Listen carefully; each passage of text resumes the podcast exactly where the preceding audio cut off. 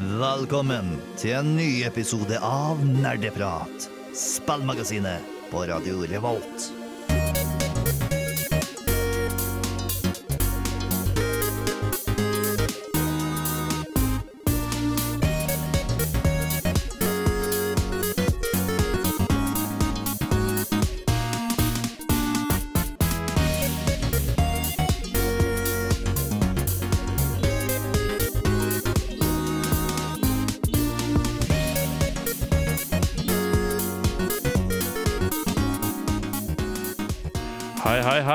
Velkommen tilbake til Nerdeprat.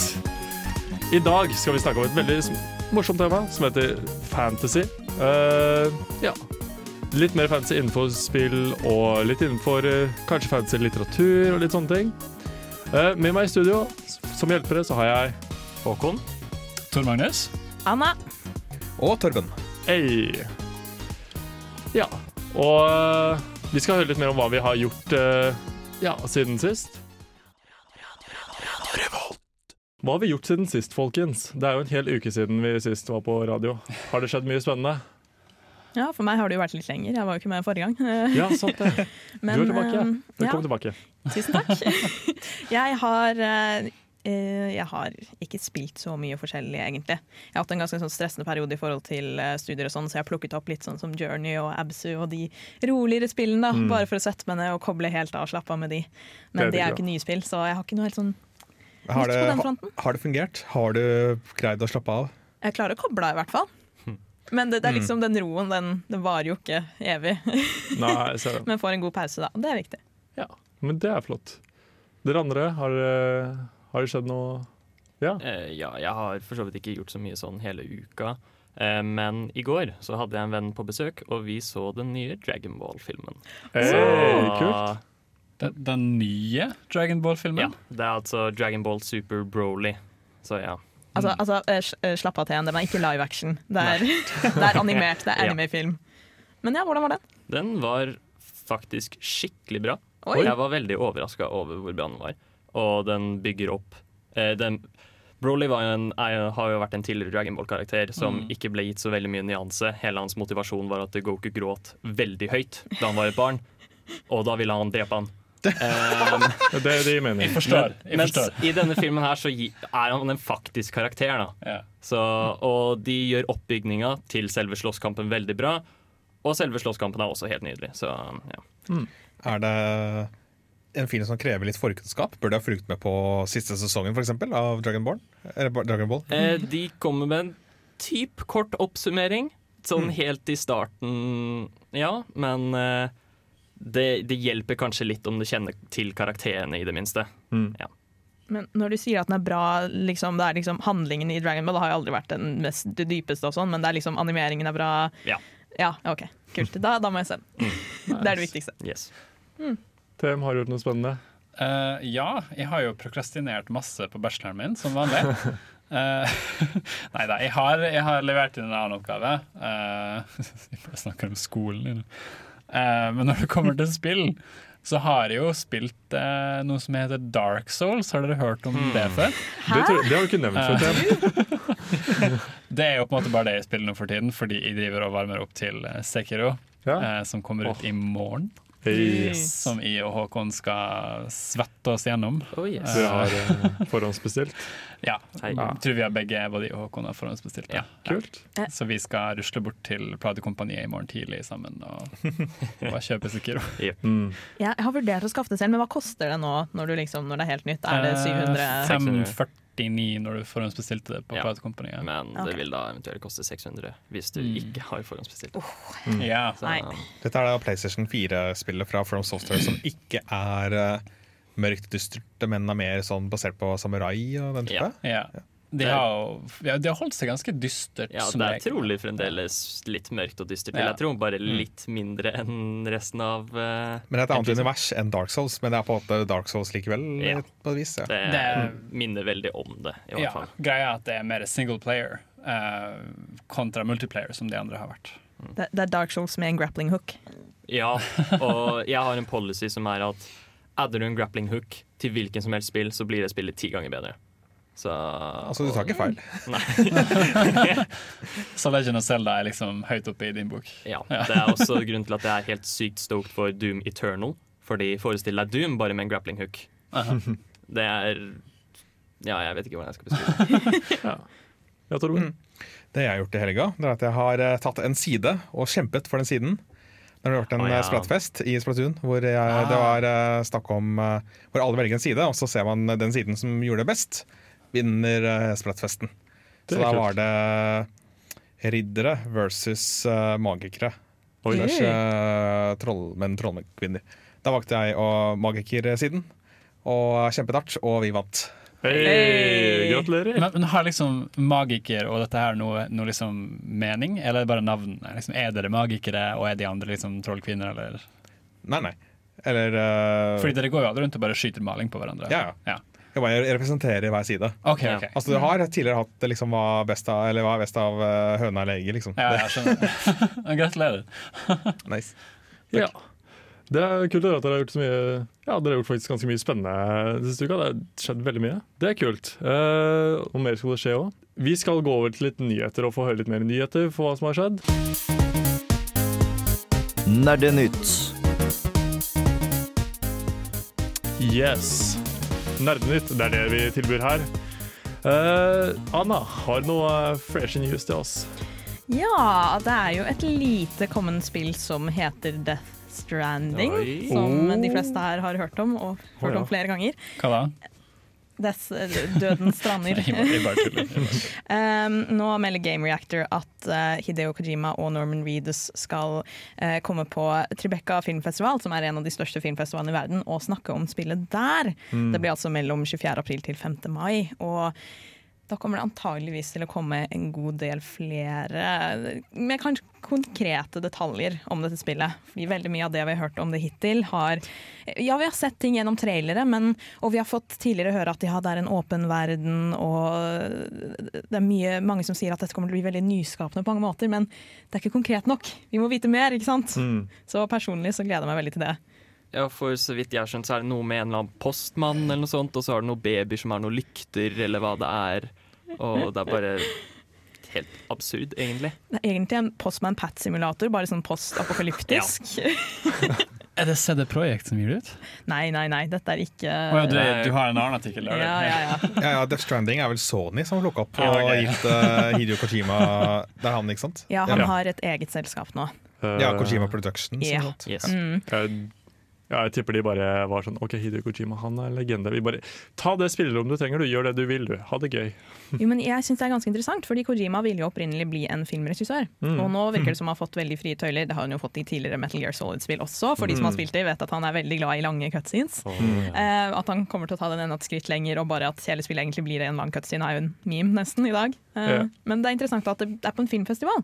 Ja. Det hadde ikke jeg sett for meg. Uh, nei, men altså, hvis man, jeg tenker jo bare sånn Ser man traileren til eh, Altså den aller første traileren til eh, Death Stranding, så er det Hallo. Vært en Oscar i seg selv. Liksom. Det er jo sykt bra trailer. Mm, det er veldig sånn Eldritch Horror, sånn Lovecraftian-aktige monstre som går Ja. rundt der. Det er noe av det jeg gleder meg mest til, akkurat den stemningen, da. Eh, Men jo, jeg har litt om CD Project Red eh, eh, også, til Eh, Wow. Det er eh, Ifølge Game Reactor så bekrefter det selskapet igjen at de vil ut i to store spill innen 2021. Okay. Og da spekuleres det jo blant annet litt om det neste kommer til å være et eh, Witcher-spill. Oi. Hva tenker dere om det? Det, Det begynner kanskje å bli tide hvis man skal telle år fra sist utgivelse. Ja. ja. Men konkluderte de ikke den serien i Jo. slutten av treeren? Det er det jeg tenker i òg. Altså, Witcher 3 fikk en veldig fin konklusjon. Uh, og jeg føler det blir rart å på en måte gjenopplive den serien nå. På en måte. Det, det, ble, det blir sikkert en Gwent-spin-off. Cyberpunk var på en måte et bra et nytt prosjekt, ja. syns jeg. Mm. Men spin-off er jo en uh, Det er mulighet. Ja, jeg, jeg forestiller meg at de kjører en Steam, hvor de er sånn Dere får et helt nytt spill nå. Og istedenfor å annonsere et nytt spill, så annonserte de Dota Game Card videospill. og så bare gjør de det samme, bare med Gwent. De, har- de har vel et Gwent standalone-spill, tror jeg? Har de ikke det? Ja, det kan godt hende. Ja, Expansion, da. Ja. Ja fordi det var jo definitivt noe av det jeg brukte mest tid på i Witcher 3. Ja.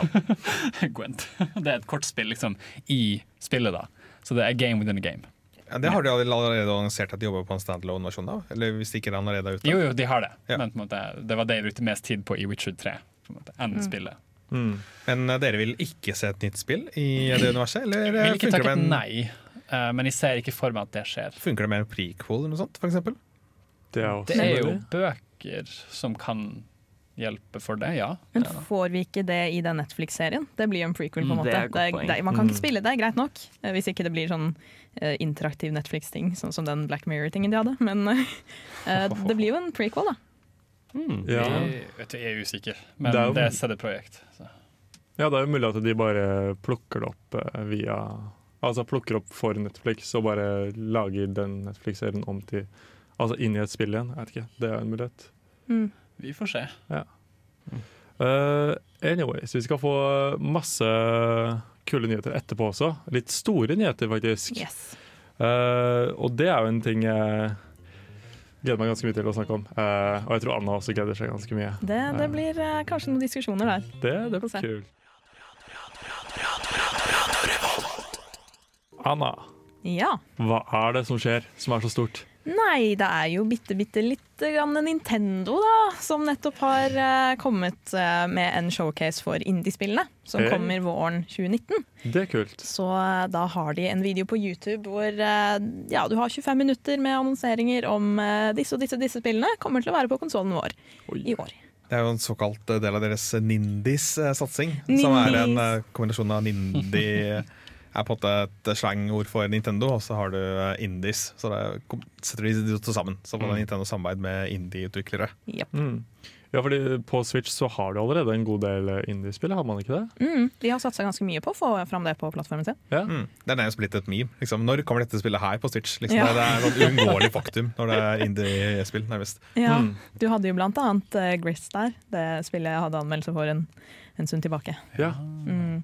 Men um, en, altså de startet det, jeg, så, jeg begynte å se på den showcasen, og så startet det veldig finurlig. Og jeg lurte litt på om jeg hadde tatt feil video, for det starter med du har et sånn svart-hvitt gammeldags filming av en mann som sitter og snakker om sånn her er det du heller melk i en skål. Og så tok han på seg nesten litt sånn, sånn gjennomsiktig Vi for Vendetta-maske omtrent, eller klovnemaske, og så bare plutselig begynte å spille sånn jazzaktig gammeldags musikk, og så eh, kom det opp to tegnede små Cupheads.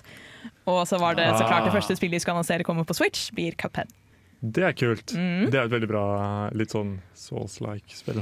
Det er like Dark Souls, liksom. I mean, Like the Dark Souls of shoot 'em ups. Ja, nei, det er, det er krevende spill. Og, Men jeg har blitt elsket for den tegnestilen sin. Øh, tegnestilen sin. Ja. Det er jo, øh, jeg har snakka om det før, med at det ser ut som 1930-talls eh, tegneserier. Ja, Tenk sånn gamle uh, Disney ja, den, Skikkelig gammel Disney, liksom. den Mm. Mickey Mouse eh, på båten og ja. Ja. Det, det er veldig den type stilen. Så det kommer til uh, Switch, og det kommer i ganske høy kvalitet òg. Ja. Mm. Ja, jeg vet ikke spesifikasjonene på det, men det jeg synes var interessant var at det var mange som trodde det ikke ville komme på Switch pga. at liksom, eh, de hadde ikke det samarbeidet med Microsoft ennå. Men nå, nå har de jo fått til et ganske godt eh, partnerskap der, virker det som. Ja, er jeg, må, jeg må bare kaste inn at de, de også til og med nevnte Microsoft da Mm. de på en måte snakka om spillet. Og liksom Takket være de som lagde spillet og Microsoft. Våre så gode får vi- venner, Ja, Microsoft. så det var veldig koselig å se. Det var mange som var veldig gira over det, så jeg i kommentarfeltene på YouTube og andre steder på internett. Mm. Ja, Cuphead var jo opprinnelig et uh, Microsoft-prosjekt. eh, Eller det er jo indie-utviklere, men det er eh, Microsoft som sponsa og tatt det med seg på sine E3-presentasjoner. Mm. Mm. Mm. Så det var kult. Eh, Et annet spill som jeg personlig ikke hadde hørt om før, eh, er The Red Lantern. Som er eh, eh, et Ja, det ble annet, avslørt, eh, tror jeg. Ja, det ble avslørt der, ja. Det er helt sant. Det er utviklet av Timberline Studio. Jeg tror det er et nytt studio. Men det handler i hvert fall om hundesledekjøring i Alaska. Ok. Eh, og det som så klart tiltrakk meg til dette spillet, var jo at eh, det er hunder der. Du kan klappe disse hundene, du kan ta Ja. vare på disse hundene. Du må passe på disse hundene, for det er litt farlig å kjøre slede i Alaska. You can't pet the dog Ja, in ja, the. Red Lantern. Yes. Det er det eneste du trenger å en vite. eh, liten referanse fra vår forrige uh, sending. Eh, men ja, og så har du hun, oh, hva heter hun, hun um, Ashley Entland, hun som også har stemmen til A- A- Aloy i Horizon Zero Dawn. Oh. Og også har stemmen til hun ene karakteren i uh, uh, det, det indie- indie-spillet hvor du liksom styrer tiden og sånn. Og er en tenåringsjente som Eh, Quantum Break? Nei. Nei. Jo, er det noe annet. Eh, Ikke det. Og er det Gravity Rush? Nei! Oh, uh, dette er Chris quiz nesten. Life-greia, er ikke det? Life is Strange! Life is Strange, ja. Der! Ah, ja, yes. den- ok. Jeg tenkte først Stranger jeg tenkte, jeg men det tenkte litt annen mer uh, obskurt. Ja, nei, nei. Men hun er i hvert fall stemme til hovedkarakteren der. Det hørte jeg som en gang. bare, det er noe kjent med henne. Mm. Og hun er kul. Det er kult. Mm. Eh, så ja, Men Håkon, du så det også. Var det noen andre spill du var gira over? Um, først av alt så må jeg, jeg må bare nevne um, Jeg vet ikke hvor kjent dere folk er med Double Fine Studios.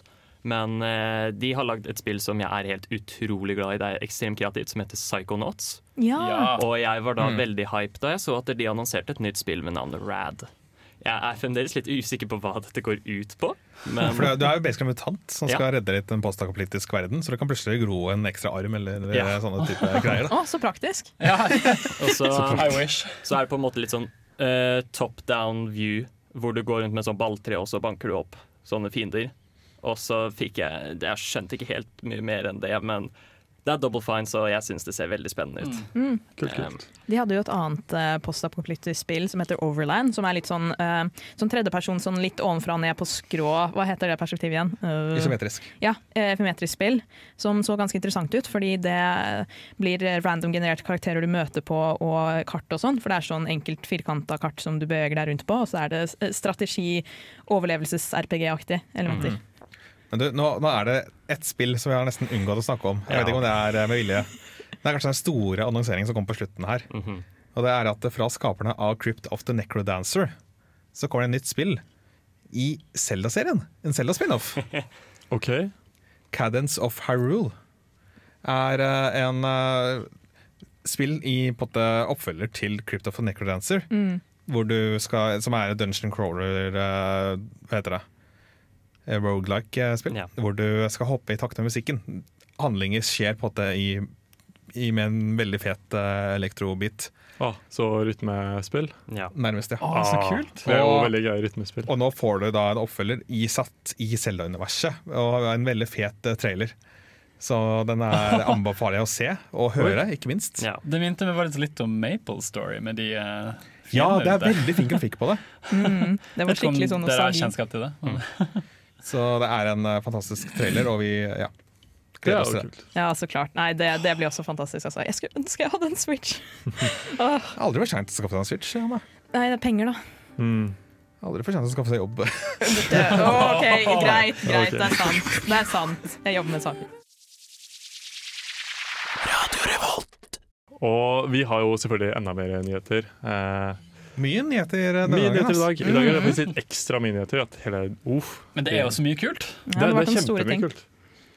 Uh, men hva er denne store og eh, kjempespennende nyheten, Eh, Anna? Jo, Håkon, du nevnte jo i stad så vidt Doom Eternal, og det er jo morsomt, for det er jo knytta til det med at Google annonserte på Game Developers Conference, altså GDC, for 2019, at de skal komme med sin egen spillstreamingstjeneste, faktisk. OK. Ja, Så eh, måten de annonserte det på, var annet at ok, de skal gå bort fra fokuset på at du må ha dette, og dette hardware for å kunne spille spill.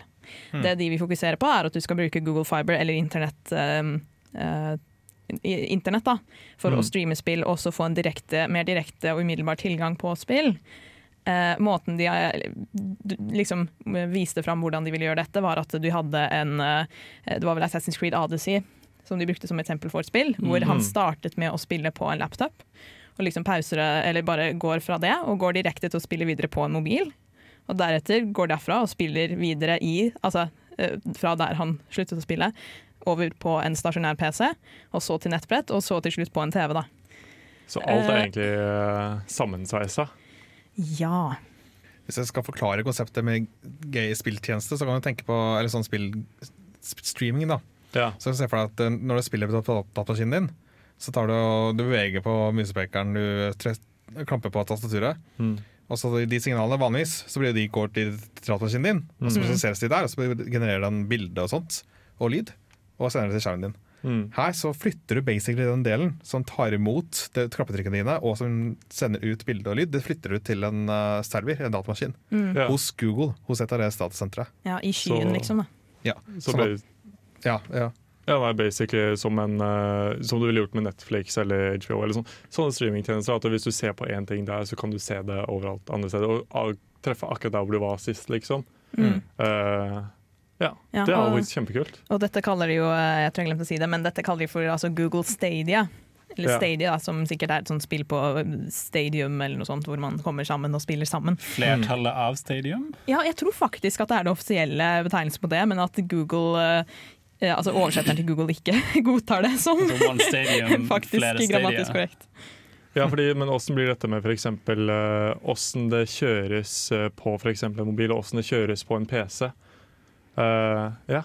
Vel, altså, som jeg sa, det med at liksom, de, de tar fokuset bort fra at du må ha denne denne hardwaren for å kunne spille spill som er, eh, krever vanligvis så og så kraftige prosessorer. Da. Det er fordi at de snakker om maskiner til Google, Ja. ikke dine maskiner. Mm. Okay. Uh, for, og det de annet lover er 4K-bilder med 60 frames per second, HDR-farger og surround-lyd. Og senere så vil de også øke uh, denne kapasiteten til 8K, som Ja. bare er helt sykt. Det er jo helt vilt. Ja. Men er tanken da at på en måte, bare for å være helt sikker på det her, Um, du streamer spillet gjennom Google sine servere, på en måte? ja. Ja. Ja. okay. ok. Eh, så et annet eksempel de brukte, da, for de vil jo gjerne inkorporere eksisterende uh, Google-eiendomssider, f.eks. YouTube.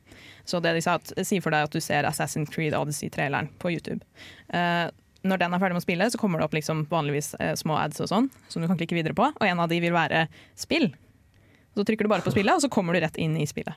Det er kult. Men det som fikk meg til å lure litt på, på noe der, var et, det kommer kanskje da til å kreve at du har et abonnement eller noe sånt. Mest sannsynlig. Ja. Mm, Ja, for de har ikke eh, annonsert noen som helst detaljer på akkurat Nei. abonnementet. og sånt. Det har Nei. egentlig bare presentert ideen. Ja. Mm. Og det høres jo gjerne bedre ut da enn når de kommer med alle. Liksom. Ja, du må forresten ha et abonnement. Her er liksom 14 steg du må gjennom. mm.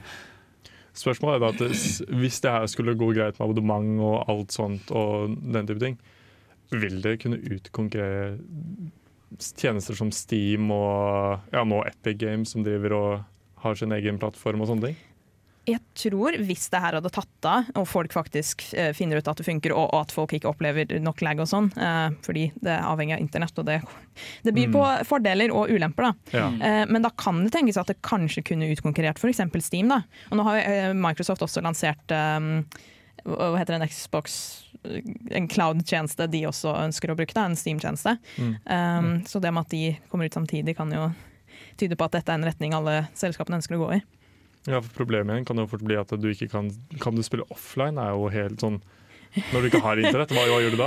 Eh, du, du, du eier jo ikke spillet fysisk da, i så fall. ikke sant. Det er jo en stor ulempe som mange Mm. har pekt på. At eh, jeg kommer ikke til å eie dette spillet, og jeg kommer ikke til å ha tilgang på det med mindre jeg har internett. Og hvordan kommer internettregningen min til å bli? Hva, hvordan, Mm. hva skjer her?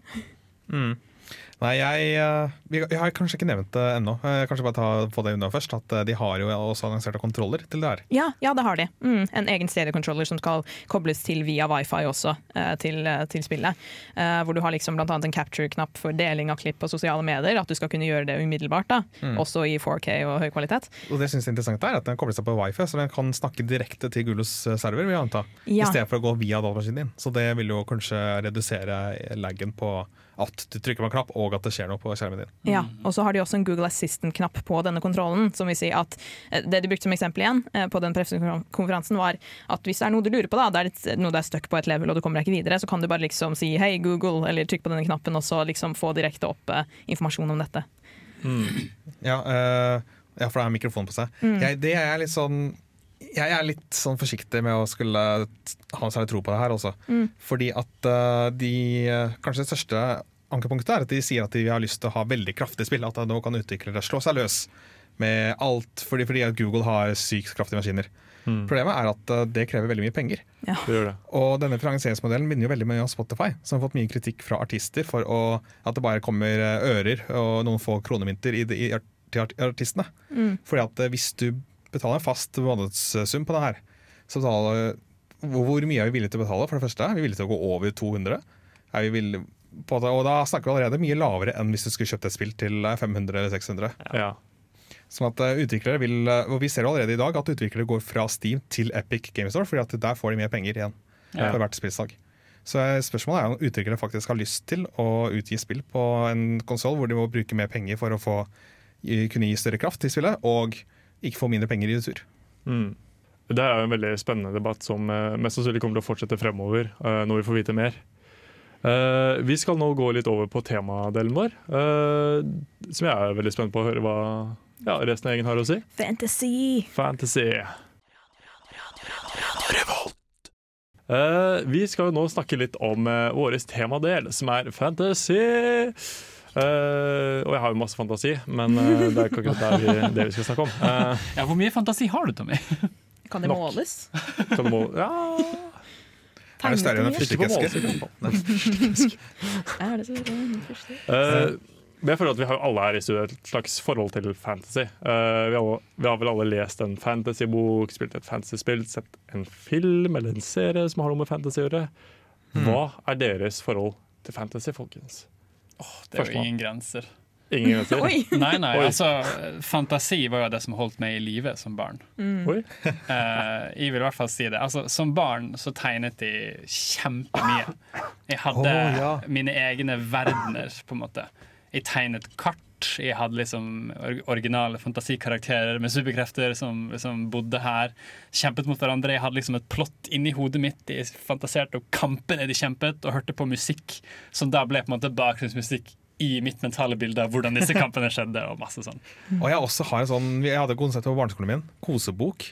Hvor du kunne, når du lurt ferdig med alle oppgaver, oppgaver sånn, så kunne du bare tegne og sånt i den koseboka. Oh. Og eh, jeg tegna veldig mye som deg, kart og sånn. Mm. Jeg husker jeg hadde veldig mye Jeg tror jeg var glad i Mario Kart på den tida. Så jeg tegna mye Pokémon-kart, tenkte jeg. Åh. Og liksom baner er og sånt som kunne være jeg, tror, jeg vet ikke om det ville vært noe gøy å spille på en dag i dag, men Eh, jeg har forresten sett et eh, kart du har tegna, til, eh, som du har hjemme Oh, ja. innom uh... Ja, det nyeste nå, ja. ja, Det er jo på en måte veldig langt i ettertid da, med tanke på Dungeons and Dragons. Jo, jo, men det viser jo at fantasien fortsatt lever, liksom. Og de hadde klart, jeg må bare si at eh, dere, dere som ikke har sett kartet, det er helt sinnssykt. Sånn, jeg ser for meg det kunne gått rett inn i Ringenes herre, og det ville Sett- du, du, altså, du og mora mi er sikkert enig, men dere, dere smiker meg veldig mye. Uh, men jo takk, det, jeg har ikke tegnet så mye siden jeg var barn. uh, og det er veldig trist, egentlig. Altså, for dere som på en måte tegner og har lagt det fra dere, uh, for hver en grunn, plukk det opp igjen. Det er givende. Bare gjør det. Det gjelder jo også deg, eh, Tem. Bare fortsett å tegne. Shit, nå må jeg gjøre det sjøl! Sett ditt eget eksempel. Uh, nei, men, men fantasi Det er på en måte veldig vanskelig å si over hva det er, fordi det er på en måte så spesielt for hver person. men er Snakker vi helt fantasi, eller snakker vi fantasy? Ja, For jeg forstår Å det ja. ikke. oh. Shit, tolket jeg det helt feil nå? Eh, for det er jo fantasy som i sjangeren fantasy. Uh, Ja, og, og, og Hvilken var det du mente her. Tommy? Eh, jeg tenkte jo egentlig mest på eh, sjangeren fantasy, men det var jo veldig koselig å høre. liksom Sorry. Du trenger jo fantasi for å kunne lage Det, fantasy-sjangeren. det Jeg, er jeg, sant. antar den koblingen der. Ja, Det er det. ja. Nei, men da takk for meg, folkens. Da snakkes vi. uh, men jeg kan si Neida. selv at uh, altså, i forhold til fantasy, som faktisk er sjangeren, så var det noe jeg vokste opp med rundt meg sånn, i, i alle medieformater. Da. Mm. Eh, Harry Potter Ja. var jo Mm. min favorittbokserie da jeg var liten. Og der har du jo det, det viktigste fantasy-elementet som er i fokus, nemlig magi. Jeg, jeg tenker at det er det viktigste fantasy-elementet da, når du Ja. skal skille mellom sjangre. Mm. Snakker vi om bøker, så vil jeg også gjerne kaste inn fenomener. Eh, Ja, leser den er jo norsk òg! Ja, sant det. Mm. Tar sted i Trondheim etter hvert. Ja. Forfatteren er jo fra Trondheim, tror jeg. Jeg tror jeg må nesten slenge inn litt eh, Darren Shan eh, inni der. Ja. Mm. Han eh, lagde gode fantasybøker. Veldig sånn grøssere fantasybøker, på en måte. ja. Men å, de var bra. Han er jo en irsk forfatter som skriver Darren Shan-serien handler jo om vampyrer og sånn. da Mm. Hvor hovedpersonen er en ung tenåringsgutt som eh, blir omgjort til en halvvampyr. Ja. Og så reiser han rundt og opplever vampyrsamfunnet rundt om i verden da med sin vampyrmentor. Mm. Jeg leste jo den, eh, hele den serien på tolv bøker på tre måneder. Uh, Når jeg gikk i fjerde klasse. Det var, eh, det var en, den, den var liksom sånn På biblioteket så var den eh, Ja, hva, hva heter den når du holder av en ting? Den var holdt av. Reservere. Ja. Reservert sykt lenge til sånn mange på hele skolen, nesten. Alle Mm. likte serien hans. Nice. Eh, når jeg tenker litt tilbake på hva jeg har lest av fantasy-litteratur, så lurer jeg på litt hvor grensa går, hva, hva som er fantasy.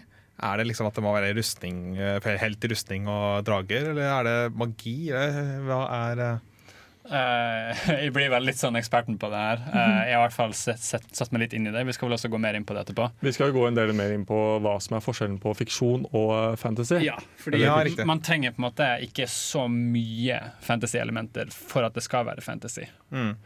Jeg vokste i hvert fall opp med en god del Mikael Ende-bøker. Ok. Som han har laga Den uendelige historie. Oh, Ja. Og så Momo eh, En bok som Momo, eller nei, Fortelling om tiden, eller sånt. sånt. Også for eksempel noen av Astrid Lindgren sine tenkte jeg på med en gang når du liksom barnebøker. da eh, Sånn uh, 'Brødrene Løvehjerte', for eksempel. Å ja, Ja, herregud. Ja. Mm. Har du forresten sett uh, filmen uh, Neverending Story? Nei, det tror jeg ikke har. Jeg har lest boka. se. Nei, vent, vent, Den må vi se igjen. Den, den er ikke, en del av den filmen er ikke for sarte hjerter. Artax! Uh, Ja, jeg, men jeg har noen minner om at jeg har sett deler av den, men kanskje uh, ikke hele. Jeg, jeg foreslår at vi kjører en eh, filmkveld uh, helt nærmere. Mm. Det er en fantastisk film. Mm. Imens så står Håkon her og skuer rundt og bare ler av oss. Ja, ja, men Nei, jeg personlig har i, i, Når det gjelder bøker, i hvert fall, så jeg har jo absolutt ingen tålmodighet. Så jeg klarer ikke å lese i Men, det men hele jeg føler med det. Jeg begynte å lese først eh, ordentlig i voksen alder. Ja. Så jeg føler veldig med det. Ja, ja, altså jeg var mer sånn Jeg har lest veldig mye fantasy når, fra jeg var Ja, siden jeg gikk i fjerde, fjerde, tredje, fjerde klasse og utover til liksom, tiende klasse. Så var det bråslutt, nesten, for meg. Sam- ja, jeg har også vokst opp med å, som en bokorm, nærmest. Og så Ja. har jeg bare Nei, nå er det penselsbøker som leser, og det holder, liksom. Vil, vil du si at du var en bokorm, en leseløve eller en brilleslange? Jeg tror jeg er på leseløve. Jeg vet ikke, jeg husker ikke helt. Ja. Lesehest. Eh, Lesehest, ja. Ja. Skulle jeg si det. Uh, vi skal faktisk snakke enda mer om uh, hva vårt forhold til uh, Ja, vi må få mer ut av Håkon. Vi må jo få litt mer ut av Håkon. Ok, så vi har nå fått hørt litt mer om eh, Vi har fått hørt litt om hva folk, hvordan folk har eh, hatt sin barndom innenfor fantasy. Sorry. Eh, kart er jo en ting. Eh, Ja, det er mange fantasybøker som kommer med kart. Det Det er det. jo det. Og spill. Ja. Eller det er Det er ikke bare fantasy-spill som har kart. Manualer den gangen kom jo av og til med kart. mm. Det var jo en tid. Jeg savner litt spillmanualer. jeg. Ja, jeg gjør det. oh, ja. Men vi fikk jo hørt veldig mye fra alle, bortsett fra én. Håkon. um, ja, jeg er jo kanskje litt sånn mer sånn normie på det fronten der, ikke sant? Hvor jeg har ikke lest så mye bøker. Jeg er mer en filmperson, ikke sant? Så jeg har jo da jeg, åpenbart sett Game of Thrones, veldig populær serie som dere kanskje har hørt om. Mm. Eh, Ringenes herre-filmene, også veldig kjent. Em, Kanskje også- sett Harry Potter òg, eller? Ja, ja, ja. Jeg er bare ikke like stor på den som Jeg, skjønner, jeg, jeg kan skjønne det, spesielt hvis man Ja. kunne sett filmen. Hvorfor? Jeg, jeg syns det er helt greit. Det er ikke noe galt med det, liksom, men det gjør ikke så mye for meg heller. Det er bare en del av barndommen din du har gått glipp av. Oi da. Um, jeg vil også kaste inn at når vi også snakker om hele den der med kart som følger med, så er jeg fremdeles veldig glad i, for den henger fremdeles på veggen min hjemme, men uh, kartet over uh, Skyrim. Som Ja. følger med i det spillet. Ja. Den- Det ser jeg på, og det liker jeg veldig godt. Så Jeg. Det høres ut som du sitter i sofaen så lettere henslengt med et vinglass og bare sipper mens du bare stirrer på dette kunstverket som henger på veggen din. ja, jeg mener det, det, det, er jo, det er jo en flott stat. Det er jo et veldig flott land, ikke sant. Så Utmerket årgang. ja. 2011. så, så, så, kan jeg, så kan jeg se til en av byene, og så tenker jeg der har jeg vært. Ja. Det er litt samme følelsen jeg får eh, når jeg ser på det kartet jeg tegnet til de andre som vi spiller Dungeons and Dragons med. da. Ah, ja. Eh, for det er sånn Der har de vært. På en måte. Og dit skal de, på en måte. Det er litt gøy, da. Jeg ser for meg at det skjer noe, at du liksom har eh, liksom vært gjennom hele Skyrim, og du har sånne pins overalt på hele kartet, og bare tråder som leder dit og dit, og bare Dette er sånn verden fungerer. Jeg synes det er et, enda et viktig altså Magi sa jeg var liksom hovedelementet ved fantasy for meg, men det med utforskning det er Mye av grunnen til at jeg likte fantasy som barn, enten det var i spill eller i bøker eller filmer, det er at du liksom får den følelsen av å være litt sånn oppdagelsesreise hvor du får se en helt annen kultur da, og utforske den, og se hvordan den er. Enda kulere der er altså i spill sånn, når du endelig får muligheten til å fly. Og kan utforske deler av kartet som du bare har liksom sett på avstand tidligere. Det er noe jeg husker veldig sterkt i Tales of Symphonia, som er et japansk rollespill jeg spilte skiten ut av som barn. Hvor du endelig fikk minutten til å fly senere. Det var masse øyer og masse kule ting jeg kunne utforske, og det var kjempegøy. Litt sånn som Minecraft creative mode. Nei, jeg tuller. Jeg kom på et annet eksempel i forhold til det med på en måte at du har den fantasy-verden og du kan fly rundt. Har noen av dere spilt Child of Light? Ja. Ja. ja. Der, det, det hele, den fortelles jo også nesten som en eventyrbok. Det er Hvor en alt- eventyrbok. Ja, hvor alt rimer og Mm. så er det jo ja, den typiske fantasy-settingen Ja. og lignende. Det er veldig søtt. Det er et uh, Ubisoft-spill, er det ikke? Jo. Mm. Ubisoft indie-spill. Ja. Ubisoft Montreal. Minner veldig om Odin's Fair, bare at du kan fly. på en måte. Ja. Det er veldig kult. Men hva, hva med det, Tommy? Uh, jeg, Ja. eh, jeg Hva er ditt forhold til fantasy? Eh, mitt forhold til fantasy Jeg har allerede nevnt at jeg leste en del bøker da jeg var yngre. Men eh, veldig mye av det overnaturlige er det jeg ser på som fantasy. Vampyrer, varulver, ja, trollmenn. Den type ting. Jeg, jeg, er, en, eh, jeg er svak for varulver og vampyrer. Uh, Du er en sånn kar. har du en fetisj? Nei, ikke helt der, men uh... Edward eller Jacob? Hæ? Edward eller Jacob? Hva er til, eh, Håkon? Ja. Og, og Twilight. Ja. Å ja, den. Uh... Å ja, Twilight, my ass! Jeg ikke, jeg lat som! tenkte jeg skulle skyve det under teppet, men det gikk ikke. De lytter til Radio Revolt, studentradioen i Trondheim. Hva er eh, forskjellen på eh, fiction og fantasy? Tem, du har en del Du hadde en del kule tanker angående det. Eh, Jeg har også satt meg litt inn i det, fordi vi kan jo dra mange paralleller her til science fiction også. OK? Eh, som vi skal komme Ja, litt for det er mer jo inn på. fiction. Ikke sant? Bare Eh, science. Bare Vitenskapelig science. magi Nei. Ja. Vitenskapelig magi. Og science fiction er jo litt det jeg spesialiserer meg i nå på skolen. på en måte Så, så da har Ja, for du skriver jo master i Dune? bachelor. Bachelor. Ja. Sorry. Riktig, riktig. Jeg er ikke helt på master ennå. Nei, Men- men- jeg, jeg tenker jeg greier å anta den veien. Men, Ja. eh, ja. Jeg er like god som en master. Men det er jo veldig spennende å snakke om hvor grensen går. Fordi det er jo på en måte mange steder vi har eh, f.eks. fantasy-serier med elementer av sci-fi, som vi vil argumentere at Final Fantasy er. okay. For eksempel. Mm. Eh, mens du har jo andre veien nå, at du har science fiction Nei, hva sa jeg nå? At du har fantasy med elementer av science fiction, det var Final Fantasy. Mens science fiction med elementer av fantasy, Mm. det blir andre veien igjen. Uh, men jeg har ikke eksempler på det i hodet. Hva blir uh, Star Wars i så fall? Ja. Det er jo en sånn der, hva kalte de det, space opera. Mm. Uh, som da spennende nok finner sted i fortiden. Jeg skal gå Ja. mer inn på hva jeg mener med det. Faktisk. Men i Star Wars så har du jo Det er science fiction, men du har det typiske sånn fantasy-narrativet. da Vi har jo tidligere snakket om helter og sånn, at Og det det- er mye som går inn i fantasy. Men Jeg vil si, ja, det må være Star Wars hvis det er sci-fi med elementer av fantasy. Ja. Ja, for det er også The Force kan jo sies å være magi, da. Nettopp. nettopp. nettopp. Ja, for du kan ikke forklare det med vitenskap. Det er, bare, det, er en kraft, da. Ja. Eh, unnskyld, har du hørt om midichlorians? Nei. Hva, hva, hva er dette du snakker om? Det, det, det, det, av du vet det bare finnes uh, tre Star Wars-filmer, og så har du den nye trilogien som holder på med nå, ikke sant? Jo, det er sant. Nei, nei, nei, Men hvem er da Jar Jar Binks? Jeg vet ikke. Nei, jeg tenker jo litt mer på åssen det er eh, Men jeg tenker på fantasy. Det er jo en egen sånn det er jo, Du skaper en, en eh, fantasiverden, på en måte. Men du gjør jo det veldig mye fiksjon også, sånn som f.eks. Alien, uh, Star Wars, sånne ting. Hva gjør, hva gjør at det plutselig er fiksjon? Ja, eh, altså Fantasy er noe som som oftest grunner seg i fortiden. Det var derfor jeg påpekte tid i sted. Eh, okay. Fantasy drar inn kulturelle elementer som drager, eh, riddere. Det er ofte mye romantisering av gamle epoker osv. Det er veldig sjelden du har fantasy i fremtiden. Okay. Men det finnes sikkert. Eh, mens science fiction som oftest finner sted i fremtiden. Det leker med teknologi, med hvordan vi ser for oss at teknologi vil brukes i fremtiden, og tar ofte utgangspunkt i eh, teknologi vi har i dag, men bare liksom mye mer avansert, og som vi sa, hvordan vi ser det for oss. Mm. Og Det er også et poeng her at jeg tror fantasy det har vel mer med settingen til historien å gjøre enn Jeg vet ikke om du kan kalle det en sjanger Det er kanskje ikke en tekstsjanger, i den forstand at eh, en fantasybok er skrevet annerledes, at ordene og sånt er eh, Eller at stilen er annerledes. Det er vel mer på det verdenen som blir beskrevet som annerledes annerledes, som kjennetegner at det er en fantasy. Eller tar jeg litt feil her? Jeg tror ikke jeg har nok kjennskap til det om å si noe om det, dessverre. Det viktigste er jo så klart om du kunne hatt drager i settingen eller ikke. Da er det fantasy.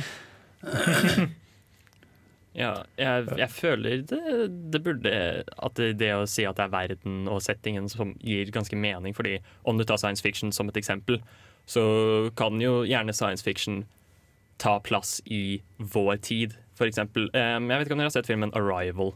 Ja. Ja. Ja, det, Den tar jo Jeg husker ikke helt når, men det er jo en nær framtid type. Mm. Så med, med science fiction-elementer, så det går jo an, det også. Mm. Spørsmålet mitt da er eh, hvordan eh, plasserer vi superhelter og sånne ting? Eh, for det er jo en form for fantasy med eventuelt magi. Folk har krefter. Men igjen så har du plutselig den en sci-fi-greia med f.eks. Supermann som kommer fra en utenomjordisk Det, det er vel på en måte satt i vår tid, da. Det er kanskje ikke Ja. nok ifra Ja. vår eh, Altså, du, jeg tenker jo Marvel når først og fremst, på en måte, og der har du jo på en måte nå bevist at det er en viss magi der. Altså, Thor sier vel det ganske fint i en av filmene at eh, vi har en form for teknologi vi òg, men vi kaller det for magi. mm. Eh, Og der er liksom linjen litt mer blurred. Men, men det er en slags Jeg vil si det er mer fantasy. OK. Ja, fordi de har visse eh, fantasy-elementer der som er sånn unexplainable. Mm. I dag er jo superhelter det er en sånn svær ting at det har blitt sin egen sjanger. på en måte Men hvis du Ja. hadde tatt alle Marvel-karakterene og plassert dem i en tid med riddere og slott og rustninger, og sånn, da hadde det blitt fantasy. Så for min del så føler jeg at det er mest settingen. da på en måte Ja, det er nok det. mm. Ja, Det, det er vel de assosiasjonene folk flest får når de tenker fantasy. Hele den derre ridder, magi, altså typ eh, middelalderen. Noe, noe der. Ja, Bare det at du kaller magi for magi. At det kalles ikke for liksom at en superhelt har en form for kraft. Det er sånn, Dette er magi, og det fins i denne verden. Og det er allment akseptert. Mm. Vi har fått eh, skille mellom eh, fiksjon og eh, fantasy. Eh, nå skal vi over på fancy litteratur, og vi snakket jo litt om det i stad. Eh, Blant annet da eh, Vi hadde jo masse bøker vi nevnte, bl.a. Darren Shan, Tolkien, vi har George, eh, George R. Martin, Uh, og så har vi jo da han som har Mikael Ende. ja, Michael Ende, Uh, som har laget Neverending Story. Eh, han er vel europeisk, tror jeg? Ja. ja. så vi har ganske mye å gå ut av, egentlig. Og så har vi JK Rowling, da, selvfølgelig. Hallo. Mhm. Den ene kvinnelige forfatteren du nevnte der. Represent. Represent. Mm. Ikke får smekk fra diverse folk. Yes. Nei, jeg skal bare si, jeg har jo lest de fleste av de der. Jeg, jeg har ikke lest The Neverending Story-boka, jeg har bare sett filmen. Som igjen alle burde se. Men eh, jeg husker faktisk at jeg leste 'Ringenes herre' overraskende tidlig, med tanke på at den Oi. er ganske tungt skrevet i forhold til Den, Harry eh, Potter f.eks. Mm. Den, ikke- den var jo ikke skrevet for, eh, for, barn, akkurat. Nei, eh, jeg må jo også si at det er jo et helt nytt språk der. Eh, alvespråket. Mm. Men det som fikk meg til å lese den, faktisk, det var det kartet som var på innsiden av boka. Jeg bare så Å, det er en hel verden inni denne boka! Begynte å lese. Det er noe med kart, altså. Og fantasy og kart. Det, det der har vi det. Kan Mm. leves inn, vet du. Og liksom, å, nå er jeg der, nå er historien der. Ikke sant? Mm. Det, Eh, Men åssen tror du det er å skrive liksom, en, en fantasybok? Det virker jo helt Altså I mine, i mine øyne så virker helt umulig. Fordi jeg har prøvd å skrive fantasy på, eller eventyr da, på barneskolen og ungdomsskolen, og det er jo helt mind-blowing hvordan du skal klare det. Mm. Ja, ikke bare med å fortelle en god historie og på en god måte. Mm. Er også nødt til å bygge en eh, verden Ja. Og som eh, virker eh, troverdig, som har sin egen kultur, som, den, som leserne kan leve seg inn i. Mm. Måte. Mm. Eh, I hvert fall hvis det skal være god fantasy, tenker jeg. Og egne regler i forhold til magi og sånn. Det har vi jo Ja. snakket om tidligere, at det må være Ja. konsistent, liksom. her kan vi komme inn på forskjellene mellom hard og soft fantasy. Okay. Dette er jo begreper som også finnes i science fiction, eh, og som appliseres helt greit eh, her også. Eh, som du snakket om, Anna, med lover og regler Ja. i magisystemer. Dette er typisk preg på hard fantasy, hvor eh, f.eks. bruken av magi har et tydelig system for hvordan det anvendes. Sant? I Harry Potter så har du formler som du må på en måte si og bruke før de kan utføres. Eh, I Avatar ikke sant, så må alle følge lovene for hvordan eh, elementene bøyes, eller bendes. ikke sant? Da, da mener du da uh, The Last Airben- eh, Airbender? Ja, The Last Airbender. eh, hvor da selve avataren er unntaket, siden eh, han hun kan kontrollere eh, alle elementene og er liksom sterkere da, er unntaket. Mm. Eh, og da har du jo da det mot, eh, motsetningen soft fantasy, som er, er ja, enkelt og greit Grensene er mye mer tøyelig. Du, det er eksempel i soft fantasy-serier at du kan få til en slags deus ex machina, hvor noen plutselig får magiske krefter fra innsiden som de ikke visste at de hadde. Sant, som, Eventuelt eh, Power of Friendship. ja, power friendship, sånne ting. Men det var jo inni deg hele tiden. Ikke sant? Og Disney er jo et prakteksemplar Ja. på dette her. Eh, jeg vil også si at Game of Thrones er mer soft fantasy enn hard fantasy. Den kan jeg skjønne. Nettopp fordi, spoiler alert, eh, folk våkner opp fra de døde. Ja. Eh, fordi det er en eller annen gud som tydeligvis kan gjøre det. Og det er drager. Ja, altså Det er drager, eh, men du har jo også den derre Du har jo drager i Harry Potter òg. Ja, men jeg bare må peke ut at det er drager, fordi det er jo den viktigste fantasyskapningen. Ja. Eh, ja, men en liten spoiler-alert fra meg også, sånn by the way. Hvor lang spoiler, liksom? Eh, bare så liten om at uh, Bran for eksempel, har du i Game of Thrones, som eh, Mm. plutselig begynner å bli altseende, holdt på å si. Ja, det er jo det mest plagsomme. Ja. For da har du jo på en måte et element i serien som vet alt, på en måte, og hvordan skal du forholde deg til det? Men eh, akkurat Game of Thrones bokserien er jo på en måte rosekrigen bare i en fantasy-setting. Når vi snakker om bøker og sånn, da, sånn serien er jo komplisert den, men bøkene er et helt kapittel for seg selv, for å bruke den uh, sengen. Um, og der er det jo nesten mer fokus på karakterene og deres politi de, politiske intrigene der, og den kampen om makten, som er veldig relaterbar til verden i dag. Da. Eh, ikke at den ikke er relaterbar til fantasy generelt, for det er jo alltid noen som skal styre denne verden. Eh, men eh, Og så har du liksom drager og sånn, og magi, magiske ting i tillegg. Jo, men det er viktig, for det er akkurat det der som er noe som veldig mange, både fantasy og fiction, science fiction-forfattere tar fra virkeligheten. Som andre ord, det er veldig, veldig vanskelig å skrive en eh, god fantasybok, så jeg syns vi skal Eller vi kan gi en lydløs applaus til de som klarer det. Knipser under. Eh, knipse litt grann, eh, løst. Eh, vi skal gå litt mer over på liksom, hvordan det er å skrive et manus for en fantasyfilm, eh, spill, et eller annet. eh, manus med Mm. fantasy. Eh, for det tenker jeg er en kul ting. Kan vi sammenligne litt litteratur og manus? Fordi det er jo kanskje en form for litteratur. Jeg syns det er litt interessant når du snakker om altså, fra, fra, fra litteratur til film. Da. For det er jo ve Ja. veldig mange fantasybøker som blir adaptert uh, til en film. Uh, og jeg lurer på om noen av dere har lest Eragon? Uh, ja. Ja, første Første boka. Ja. Kanskje, kanskje kom litt inn i andre boka. Så her er det jo drager! Men det er ikke poenget mitt. Da den skulle bli gjort til en film, det begynner å bli en del år siden, det, det, det var en bare uheldig hendelse. ja, For den adaptasjonen den, eh, den skuffer på mange måter. Eh, Både fordi at det er mye som ikke er tro til boka, men også fordi det virker som om de som lagde filmen var redde for at den skulle bli for lik 'Ringenes herre'. Okay. Og det er jo veldig likt på mange måter. Du har alver, du har dverger, du Ja. har eh, krig, krigføring ikke sant? På, på stor nivå. Onde krefter som må overvinnes. Typiske fantasy-ting. Mm. Men det du gjorde var å skalere ned på alt det fantastiske som du beskriver i bøkene, og gjøre liksom den, eh, eksempel i et stort sånn dvergesamfunn eh, hvor du skal komme mot slutten av filmen, og det er fantastisk arkitektur inne i fjellet og sånn. Det ble bare det, det så ut som et høl. uh, Det det, var, det, de prøver liksom å gjøre det litt mer realistisk. ja, og i filmer, når du skal ha fantasyfilmer, så må du prøve å gjøre det til ikke nødvendigvis noe eget, men liksom eh, Du må gi det en viss sjarme, og ofte kan det Mm. forsvinne litt. da. Eh, en annen film som gikk veldig galt når det gjaldt dette, det er jo Avatar The Last Airbender. Ja, Shyamalan. ikke snakk! Shama- Shyamalan. Nei, la oss- Ikke La nevn oss, si, la oss snakke Navnet om dette og, Ja. og anerkjenne uh, denne store bestyggeligheten. Hvorfor gikk det galt i forhold til manus, liksom, i forhold til filmfantasy? da? Hva gikk galt, bortsett fra alt? Shyamalan gikk galt.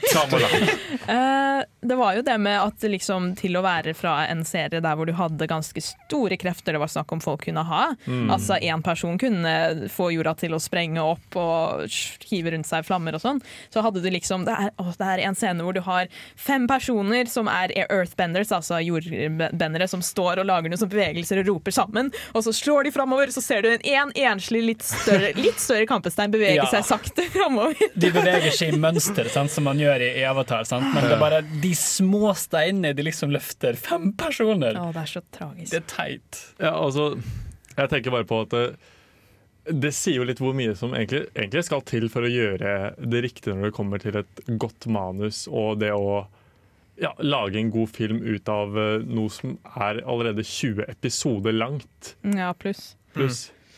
Jeg vet ikke om eh, Avatar Last Airbender, Airbender var eh, Var det opprinnelig serie som gikk til film, eller var det film? Ja, eller en serie. Mm. Serie som gikk til film. Ja, for det er jo noe annet, men eh, eller, det jeg tenker på er bøker. Så Mm. er jo desto vanskeligere også.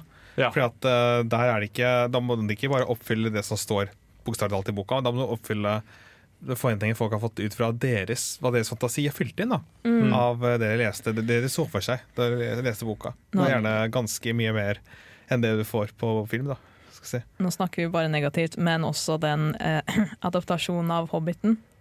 Ja. A moment tre, of og- ja. silence. Ringenes herre var jo gjort veldig bra. Så Mm. props det. Er sånn man gjør det. Det er sånn man skriver et godt manus og får gode ting gjort. Men det som kan være veldig fint med å Ja, du får en film eller en serie av noe, er at du gjør det tilgjengelig for enda flere. Da. Du, du Mm. når et større og enda bredere publikum. Eh, eksempel Game of Thrones føler jeg har gjort det. Kanskje den fantasy-overgangen som har blitt gjort best, fordi det er en serie også. Mens det er så mange eksempler på ting som har blitt gjort dårlig. Mm. og det er litt trist. Ok, Så vi har snakket om alt unntatt det vi snakker mest om her på Nerdeprat. Nemlig spill. Og vi skal jo selvfølgelig snakke om fantasy i spill. Woo! Hey. Det hørtes ut som en NPC som om du bare myrder. Du skal ikke gå til voice acting, da? Kan vi få det en gang til? En veldig smertefull og en litt mindre smertefull. Hva, hvor, er det? Nei, nei, fantasy. Fa- Fantasy-spill. Fantasy OK. Er det fantasyspill? Nei, ingen Nei, ingenting. Ok, da, men da går vi Ja. over til videre. Eh, Fantasiløst spørsmål. Fordi vi har jo på en måte det mest giveaway-tittelen av noensinne, Final Fantasy. Ja. Som Men TM, det har jo flere Final Fantasy. Det kan være flere. Hvem har mest fantasy? Har vi bare blitt om til amøbeprat. men, men du har jo faktisk overraskende mange fantasy-titler òg, da. Jo, jo. Eh, altså det, Dere har sikkert spilt Dragon Age, det har ikke spilt, Ja. men Skyrim er også nevnt. Eh, Skyrim. Dragon The Witcher også. nevnte I, ikke sant? Mm. Eh, Elder, Elder Scrolls har folk spilt. Eh, hva med vår soft, eh, nei, soft, soft fantasy eh, eh, Heartstone? Nei, Heartstone sier. Ha, Heart uh, Kingdom Hearts? Kingdom Heart Ja. I know that name. Jeg husker ingenting i dag. Jeg, alle- Magic the Gathering. Magic the Gathering. Ja, for så vidt. Ja. for, for, for så vidt også Heartstone. Dungeons and Dragons! Altså, det er jo ingen over, ingen ved siden der. Så Fortsett. støtter den. Fortsett. Okay, fortsett. Ja. Uh, uh, hva mer? Uh, skal vi bare ramse opp masse Nei, jeg tror, jeg tror det er greit. Men Hva, hva, hva er det vi har spilt, kanskje? Av, fan, av ikke Final Fantasy, men, men av fantasy-spill. TM, du har vel spilt noe som heter Dark Souls? Har du ikke? Det er jo interessant at du nevner det, fordi Dark Souls er jo faktisk et fantasy, en fantasy-serie. Det er Det det. finner jo sted i en uh, gotisk eh, sånn, åh, hva heter det, uh, viktoriansk setting. Mm. Uh, hvor det er romantisert med borger, og du har liksom rustning og kjemper mot monstre osv. Og, så videre, og det er drager. Det er drager, Anna. Det er Oh my god, jeg må spille dette! Eh, så det er definitivt et fantasy-spill. Eh, er det på tide å lage en ny Twitter-konto? Eh, om det er en drage i spillet eller ikke? I st- liksom likhet med a dragon? Heck yeah! Null av ti, ingen drage. Da har du, da har du ikke drage.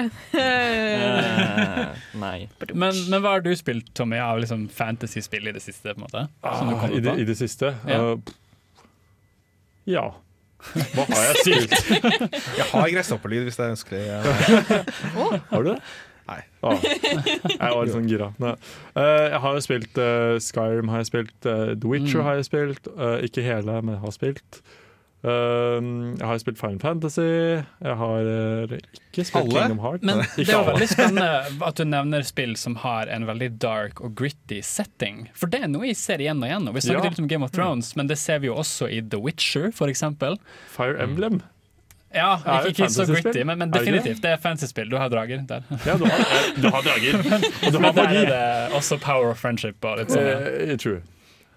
Eh, men ja, jeg vil nesten argumentere for at det er mer hard fantasy. Fordi du har en god del lover og regler som du må forholde deg til. Du må liksom levele opp og bli Ja, sterkere. og og sånn. du har visse spells som det er kun liksom, Det er ikke sånn I, De- eh, i dette Fire Emblem? Nei, Ja, nei. så du har jo ja. RNG-elementet, da, med liksom at du kan critte veldig mye og Mm. få absurde høye tall. Men jeg vil argumentere for at alle spill er hard fantasy, fordi du har, du har visse grenser for hva du kan gjøre som spiller med de magiske evnene dine. Jeg, jeg ser hva du Ja. mener, men jeg er samtidig ikke helt enig. Fordi Ok. Det er veldig mange spill som er fantasy, som på et eller annet tidspunkt har et The Power of Friendship moment. Eller noe som ikke er forklarlig. Deus Ex Machina, for eksempel. Og da blir det soft fantasy. I hvert fall et preg av det. Fordi det er på en måte tøyelige grenser i fantasy. Ja. Som ikke er rammet av disse reglene. Skyrim? Er det Kan det også Jeg har ikke spilt det, så jeg vet liksom ikke. Har du ikke spilt Skyrim? Nei. Brød. Har, har dette kommet fram før? Dette var sjokkerende. Det har jeg aldri spurt. Oi. Sorry, vi skulle ikke bare antatt det. Det Det- er ingen, det er ingen som spør meg om livet mitt. Vi, vi er av TM som ikke Skyrim-spill. Nei, men jeg har dessverre ikke spilt det, eh, så det kan jeg ikke si.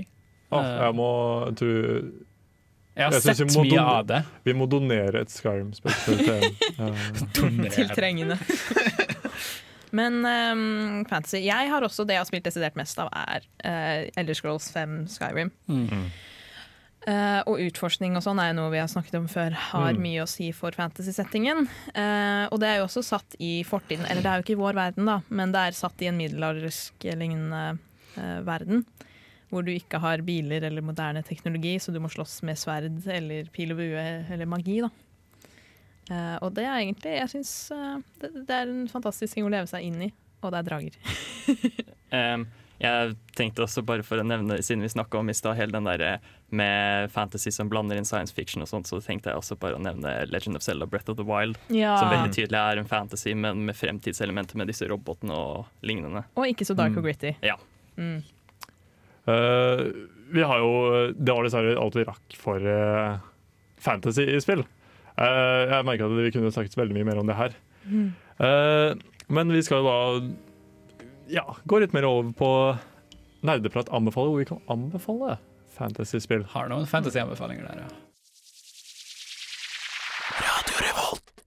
Vi har ennå ikke hørt våre anbefalinger for hva er fan for fantasispill. Give it to me! Hvem som helst. Ok, vi tar, det veldig, vi tar det litt kort og punktlig, bare sånn per pers, fordi vi ligger litt tynt på tid.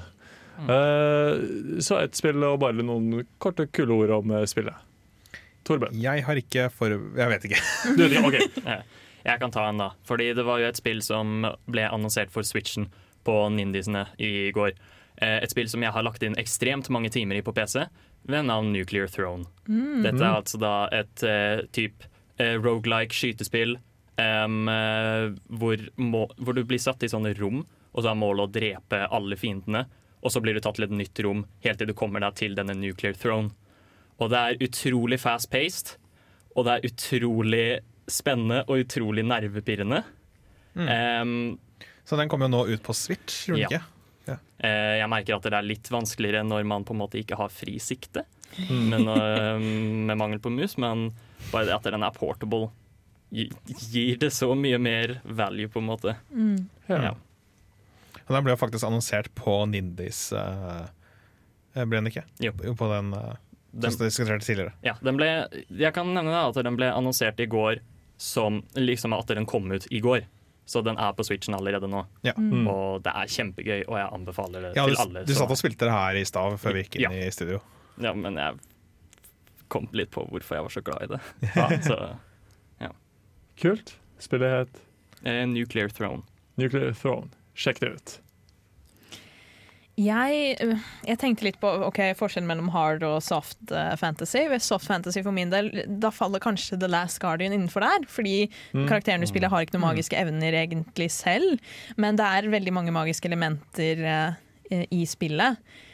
Og det er satt i en tidligere verden, eller tidsperiode, og det er en veldig fin eh, verdensbygging i, og bruk av miljøet rundt deg og sånn. Så jeg anbefaler The Last eh, Guardian. Kult. Uh, TM.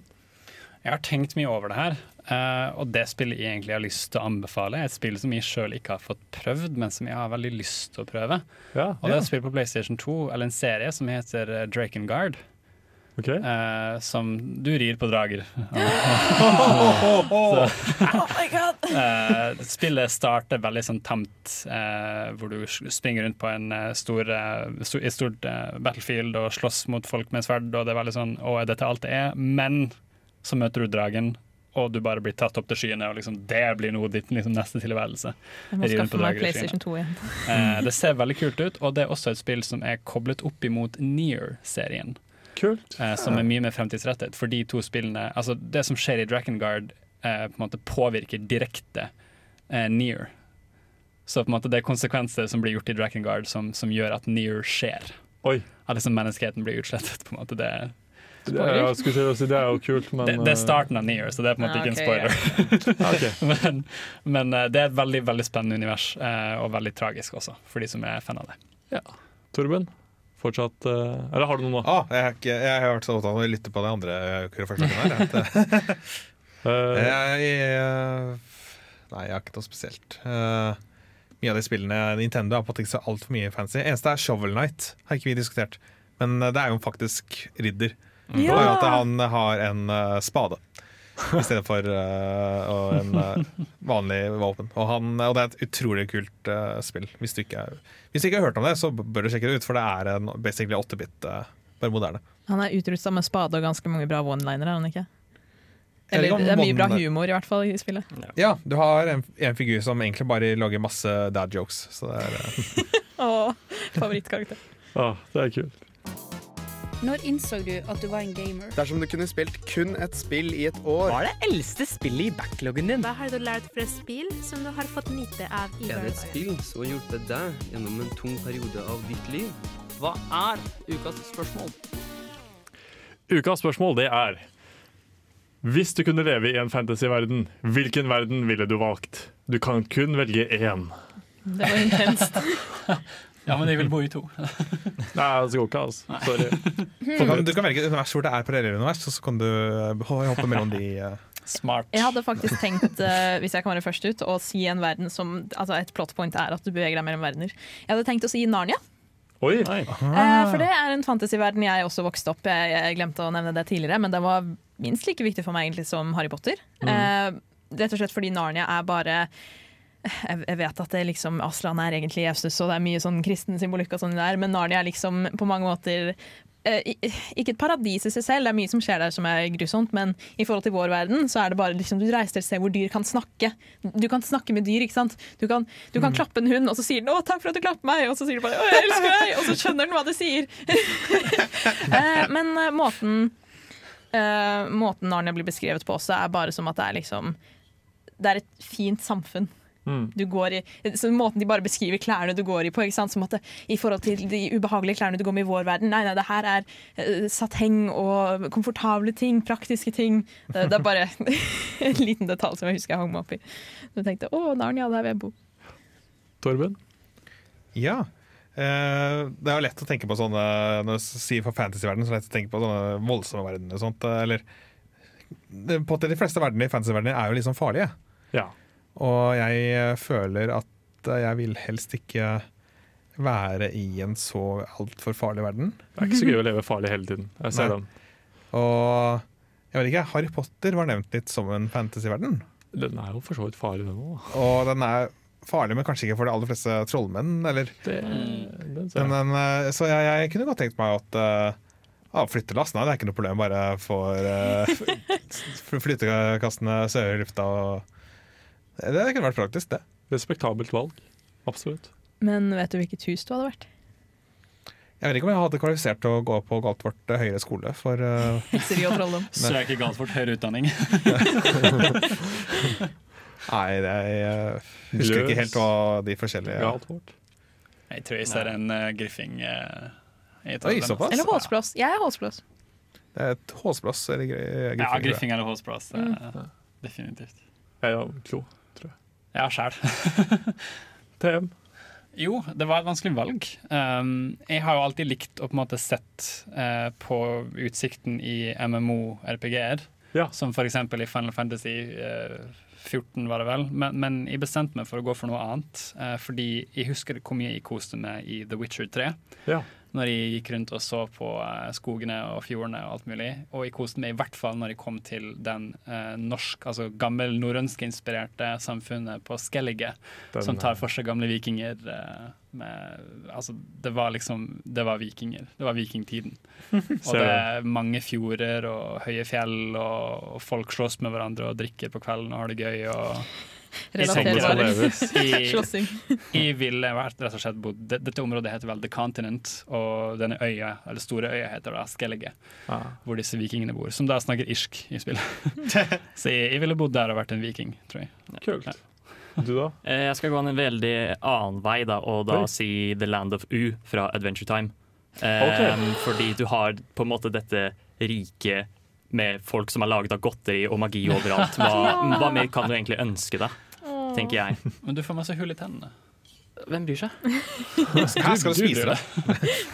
Ja, ingen kan stoppe meg for å gjøre det, tenker jeg bare. Oh, Adventure Time. Det er faktisk veldig gode valg, alle sammen. Ah. Men du da, Tommy? Uh, jeg ville valgt Darren Chan sin uh, verden fra Darren Chan-sagaen. Den er jo så grufull. Jeg kan bli vampyr, og jeg vil bli vampyr! Når det kommer til den altså, måten han har lagd de på. Hva var spørsmålet du stilte han tidligere, Håkon? Jacob eller Nei. No. Vi, vi trenger et svar! Vi trenger et svar. Han vil bli vampyr, det er Edvard. Ja, Kult å høre ukas spørsmål, dere, men vi går videre til låt. De lytter til Radio Revolt, studentradioen i Trondheim. Det var det vi hadde fra Nerdeprat eh, denne gangen. Mye kult om fantasy. Eh, neste uke så blir det spennende, for da blir det snakk om Souls-like spill.